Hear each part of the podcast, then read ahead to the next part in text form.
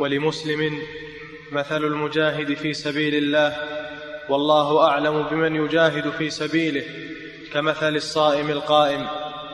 وتوكل الله للمجاهد في سبيله إن توفاه أن يدخله الجنة أو يرجعه سالما مع أجر أو غنيمة. هذا كالحديث الذي قبله أن الله تكفل للمجاهد أنه إن توفاه إما بالقتل أو بالموت في سبيل الله أنه يدخله الجنة. يدخله الجنة لأنه قصد ذلك قصد ثواب الله عز وجل. فإنه إن فاتت عليه الحياة الدنيا فإن الله يعوضه بحياة لا تنقضي ولا تفنى وهي الحياة الآخرة. والجنة لأنه باع دنياه بآخرته باع باع آخرة باع دنياه بثواب الآخرة. فليقاتل في سبيل الله الذين يشرون الحياة الدنيا بالآخرة. فهو باع الدنيا وثمنها الجنة. قال الله سبحانه وتعالى إن الله اشترى من المؤمنين أنفسهم وأموالهم بأن لهم الجنة. الله هو المشتري والبائع هو المؤمن والثمن هو الجنة. و الساعي بين البائع والمشتري هو رسول الله صلى الله عليه وسلم. والوثيقة التي كتب فيها العقد التوراة والإنجيل والقرآن. فهذا فضل الجهاد في سبيل الله عز وجل. فهو لما باع نفسه لله عوضه الله حياة لا تفنى ولا ولا تبيد ولما باع دنياه الفانية عوضه الله بالدار الباقية.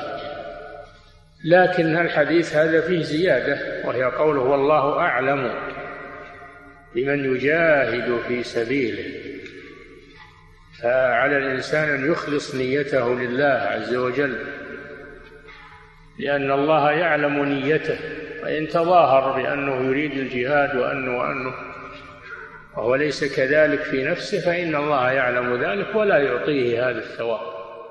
الله يعامله بحسب نيته ففيه إخلاص النية الجهاد في سبيل الله وفي سائر الأعمال. إنما الأعمال بالنيات وإنما لكل امرئ ما نوى ومعنى تكفل الله كما سبق أن الله ضمن له ذلك ضمن له ذلك وانتدب ذلك له. نعم. مثل المجاهد في سبيل الله كمثل الصائم القائم.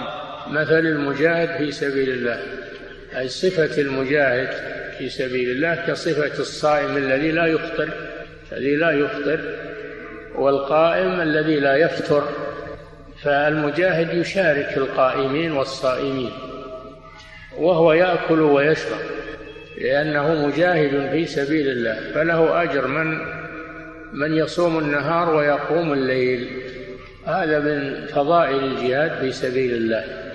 نعم. أحسن الله إليكم سماحة الوالد يقول السائل كيف نجمع بين حديث أرواح الشهداء في حواصل طير خضر والقول بأن النعيم يكون في القبر. نعم يكون في القبر ويكون في في الجنة فهم أرواحهم تأتي للقبور وتذهب إلى الجنة. ولا تنافي والروح من عجائب خلق الله سبحانه وتعالى. فهي في الملأ الأعلى منعمة وتتصل بالميت في قبره وتنال من النعيم في القبر. الروح أمرها لا يعلمه إلا الله سبحانه وتعالى.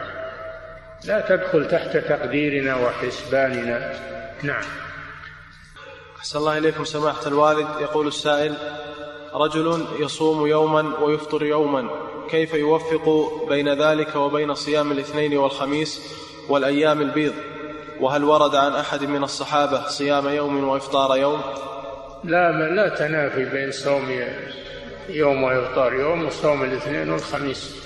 إذا صادف يوم الخميس أو يوم الاثنين اليوم الذي يصوم فيه فإنه يجتمع فيه الفضيلتان فضيلة الاثنين أو الخميس وفضيلة صيام يوم وإفطار يوم. نعم.